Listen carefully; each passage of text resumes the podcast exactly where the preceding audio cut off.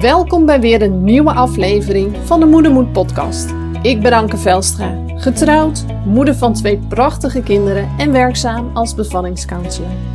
De geboorte van je kind is een van de meest bijzondere dingen die je kunt meemaken in je leven. Een ervaring die je leven voorgoed verandert en je hele leven zal bijblijven. Juist daarom is het belangrijk dat je met een goed gevoel op je bevalling kunt terugkijken. En dat is ook wat ik iedere vrouw gun. Helaas is bevallen niet voor alle vrouwen één grote roze wolk. En als er één ding is wat deze vrouwen met elkaar gemeen hebben, dan is dat dat ze zich enorm eenzaam voelen in hun ervaring. Met de Moedermoed podcast wil ik voor deze vrouwen een plek van herkenning creëren door het delen van verhalen van moedige moeders over bevallingen die anders liepen dan verwacht. Expert-interviews en tips en inzichten vanuit mijn werk als bevallingscounselor en als ervaringsdeskundige. Ik wens je veel luisterplezier, herkenning en mooie inzichten toe.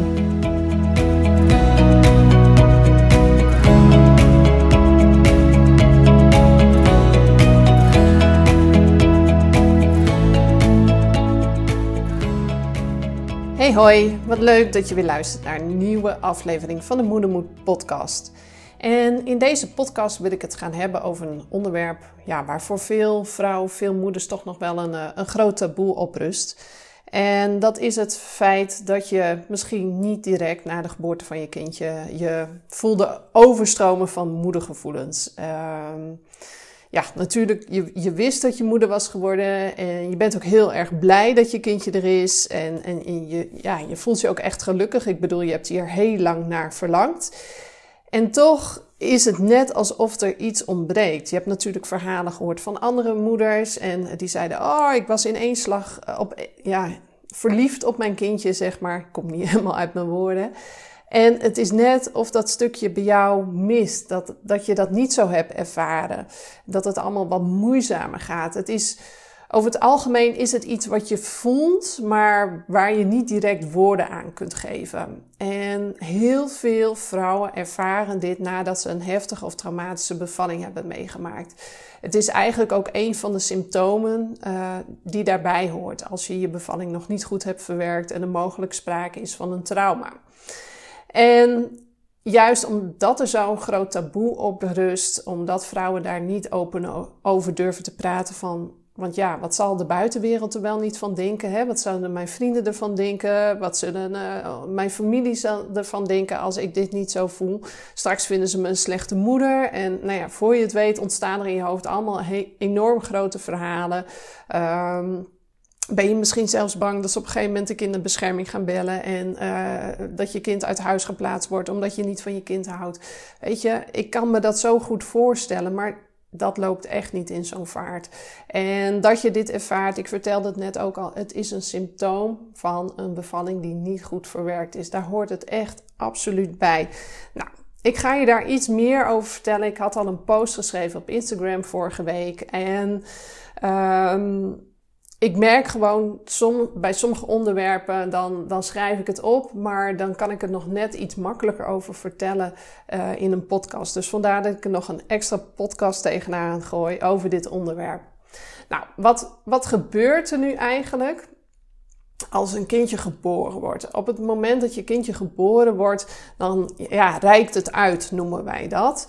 Uh, in het systemisch werken familieopstellingen, waar ik ook helemaal in opgeleid ben. En dat bedoelen we eigenlijk mee dat je kindje uh, min of meer zijn armpjes naar je uitstrekt. Hè, dat kan het waarschijnlijk nog niet eh, als het pas geboren is, maar het strekt zijn armpjes uit naar je, het reikt uit naar je. Uh, want het is volledig afhankelijk van jou om te kunnen overleven. Uh, om zich veilig te voelen, om gevoed te worden. Uh, het, het kan zelf nog niks. Dus het zal direct contact maken en verbinding met je maken door naar je uit te reiken, zodat die verbinding tot stand kan komen. Maar soms lukt dat gewoon niet. Uh, dat kan bijvoorbeeld gebeuren doordat moeder en kind direct van elkaar gescheiden werden. Uh, misschien werd je kindje veel te vroeg geboren. Uh, was het allemaal spannend? werd het eigenlijk heel snel naar de couveuse afdeling gebracht? misschien ging het met jou als moeder niet helemaal goed. Had je een zware bloeding of moest de placenta verwijderd worden op de OK? Hè? En dat betekent dus dat dat moment van uitreiken dus gestoord is ja, moeder was fysiek niet aanwezig, niet beschikbaar om naar te kunnen uitreiken. Nou, in deze gevallen is het op zich nog wel vrij logisch te verklaren dat dit is gebeurd. Maar het kan ook gebeuren als je een hele heftige of traumatische uh, bevalling hebt meegemaakt. Um, heel veel vrouwen vertellen mij ook dat ze het gevoel hebben gehad dat ze ergens tijdens de bevalling, toen het zo overweldigend was, het gevoel hebben gehad dat ze uit hun lijf zijn gestapt. En uh, dat ze naast zichzelf stonden of erboven hingen, maar dat ze niet meer fysiek in, of aanwezig waren in hun fysieke lichaam, als het ware. En dat klinkt heel zweverig, maar dat noemen we dissociatie. Dat gebeurt heel vaak wanneer er heftige gebeurtenissen gebeuren. En het is een overlevingsmechanisme van het lijf, omdat de, de, de pijn, de, de, de, de, heftige gebeurtenissen te groot waren op dat moment om, om aan te kunnen. Om, het was te overweldigend. Dus als een stuk bescherming van het lijf, ja, stap je eigenlijk dan uit je lijf. En dat noemen we dissociatie. En het betekent dus, als dat is gebeurd na de bevalling en het zit erop, dat je vooral denkt van, oh, eindelijk, het zit erop, ik hoef niet meer, het is klaar. En ja, je zit niet zeg maar weer eh, direct helemaal in je lijf. Hè? Je bent eruit gegaan en dat betekent niet als het klaar is en erop zit, dat je er weer helemaal in zit en dat je weer helemaal jezelf voelt en dat alles klaar is. Nee, er is zoveel gebeurd op dat moment. Dus heel veel vrouwen hebben dan ook zoiets van, oh, eindelijk, het zit erop. Ze zijn zo kapot eigenlijk. En hebben eigenlijk helemaal niet veel belangstelling voor dat babytje wat net op hun borst gelegd is. Van, oh ja, ja, ik heb ook een baby gekregen. Maar ze voelen daar niet zoveel bij. En dat is natuurlijk ook logisch, want ze zijn fysiek wel aanwezig en ze verzorgen hun kindje ook echt absoluut goed. Maar emotioneel zijn ze niet aanwezig. Zijn ze uit hun lichaam gegaan omdat ze het anders niet aankonden. En dit zijn geen bewuste processen. Het is niet iets uh, waar je van tevoren over na gaat denken van, oh ja, nou is het te heftig en nou stap ik uit mijn lijf. Nee, dit gebeurt op zo'n onbewust niveau. Daar heb je zelf eigenlijk heel weinig sturing over. Dus uh, ja, dat kindje probeert uit te reiken naar een moeder, maar die moeder die, die, die is niet emotioneel aanwezig. En ja, dan, dan stokt het daar eigenlijk ook. En het, het, fysieke en het emotionele lichaam zijn van elkaar afgesplitst. Die zijn los van elkaar gekomen. En zolang je bevalling niet goed is verwerkt, zolang dat trauma nog ergens door je lichaam uh, rondspookt, want dat, dat zit gewoon opgeslagen in je lijf, in je zenuwstelsel, in, in je celgeheugen. Hè? Dat, er is zoveel ja, hoe moet ik het zeggen, energie losgemaakt um, om te kunnen vechten en om te kunnen vluchten. Want dat is onze eerste respons op het moment dat wij voelen dat we in gevaar zijn. Maar dat lukt niet tijdens een bevalling. En wanneer het te groot, te veel is om te kunnen handelen, nog langer te kunnen handelen, ja, dan, dan ga je in de freeze. En dan stap je als het ware uit het lijf. En dan ben je die dissociatie waar ik het net over had. Maar die energie die wel vrijgemaakt is om te kunnen vechten of kunnen vluchten, die blijft in je lichaam opgeslagen zijn. En dat blijft rondzwerven. En zodra er iets gebeurt wat jou doet herinneren aan je bevalling, dan voel je het weer. Dan gaat die hartslag omhoog. Krijg je hartkloppingen. Begin je te zweten. Voel je misschien licht in het hoofd. Voel je paniekgevoelens. Wil je weg. Nou, dat, dat heeft er allemaal mee te maken. Hè? Dus zo blijft dat rondzwerven in je lichaam. En vrouwen geven mij ook heel vaak aan dat ze na zo'n bevalling het gevoel hebben dat ze niet meer helemaal aanwezig zijn in het nu. En dat klopt natuurlijk dus ook, want je, je bent eruit gegaan. Hè? Je, je emotionele uh, lichaam en je fysieke lichaam zijn van elkaar afgesplitst. Dus je bent niet helemaal meer aanwezig in je lichaam. Nou, als je dat kan helen, maar zo, zolang dat, dat blijft rondgaan in je lichaam en dat trauma niet goed verwerkt is en je ook niet meer hebt geleerd dat het weer veilig is om aanwezig te zijn in je lichaam, ja, zal die verbinding met je kindje nooit helemaal goed uh, tot stand komen. Er, zal voor je gevoel altijd iets tussenin zijn, dat er iets mist. Je kunt het niet vastpakken, je kunt er geen woorden aan geven, maar je voelt wel dat er iets mist. Um, dus het is ook belangrijk om iets met dat trauma te gaan doen, om te gaan verwerken, om daar hulp bij te zoeken en om weer te leren dat het veilig is om in je lichaam aanwezig te zijn.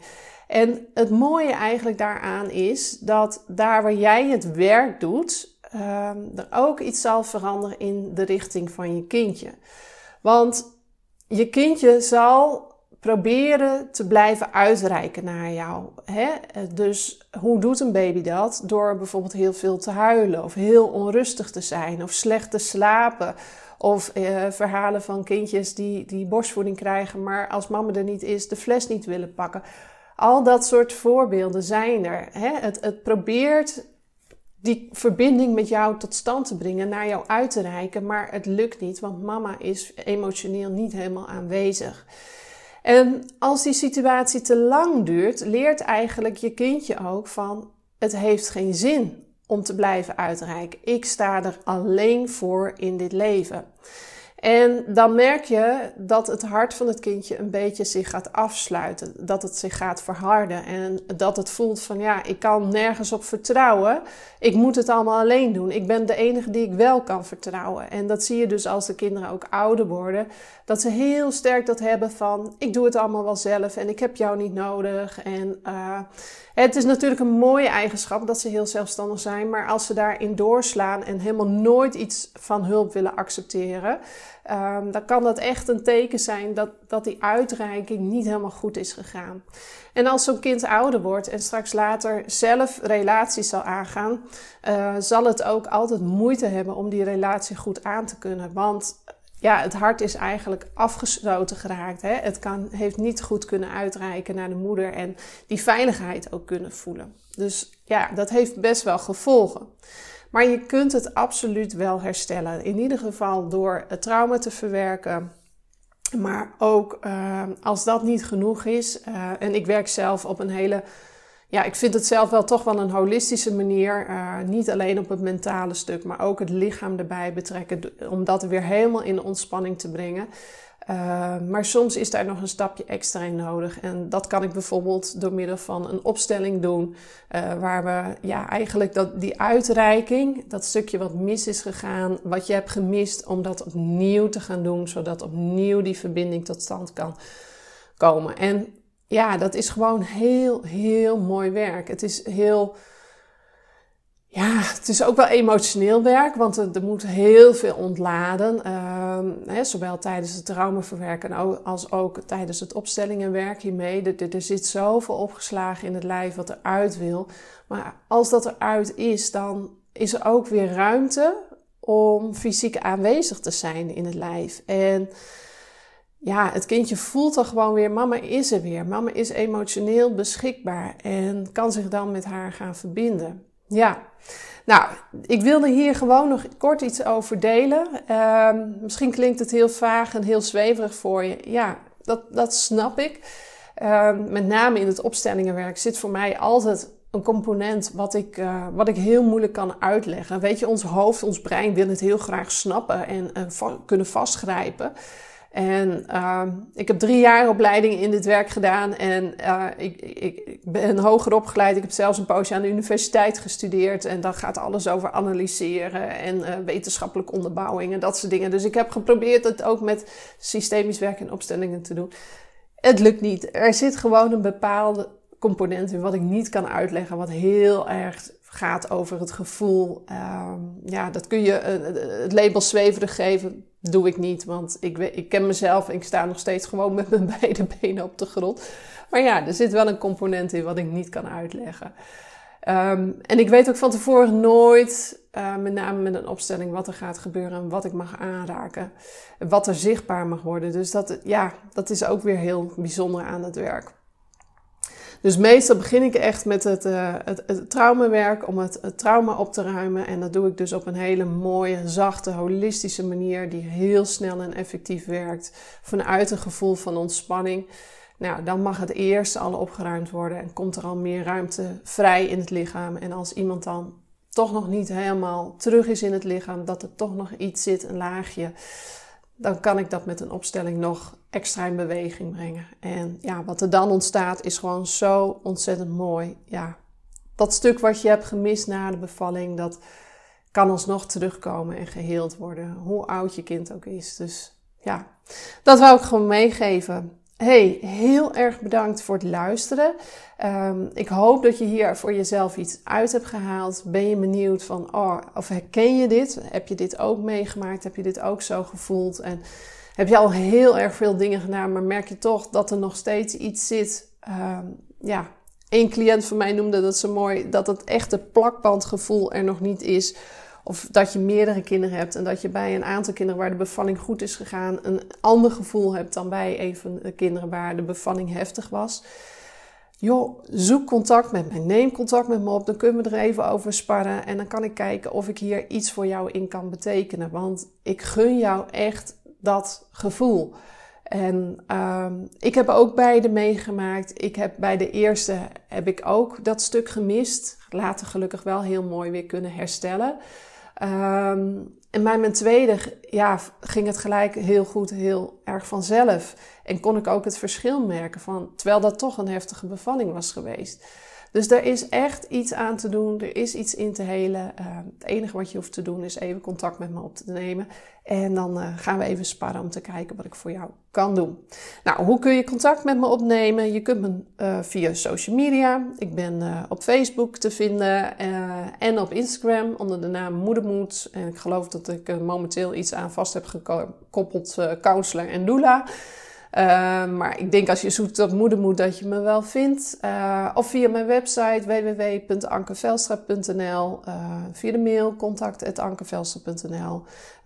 en ja, weet je, contact opnemen, dat betekent niet dat je gelijk ergens aan vastzit. We, we kunnen eerst gewoon vrijblijvend spellen om te kijken, hey, zit er wat en kan ik er wat mee?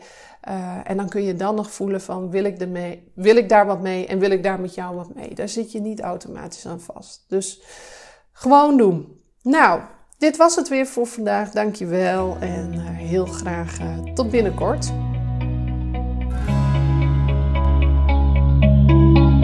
Heel erg bedankt voor het luisteren naar deze aflevering van de Moedermoed podcast. Vond je deze aflevering interessant en waardevol? Maak van deze podcast dan geen goed bewaard geheim. Bijvoorbeeld door een screenshot te delen via social media of stories en mij daarin te taggen of door een review achter te laten op Apple Podcasts. Daardoor wordt de Moedermoed podcast nog beter gevonden en kan ik zoveel meer vrouwen bereiken en ondersteunen die zich nu eenzaam voelen in hun bevalervaring. Dankjewel alvast en heel graag tot de volgende podcast.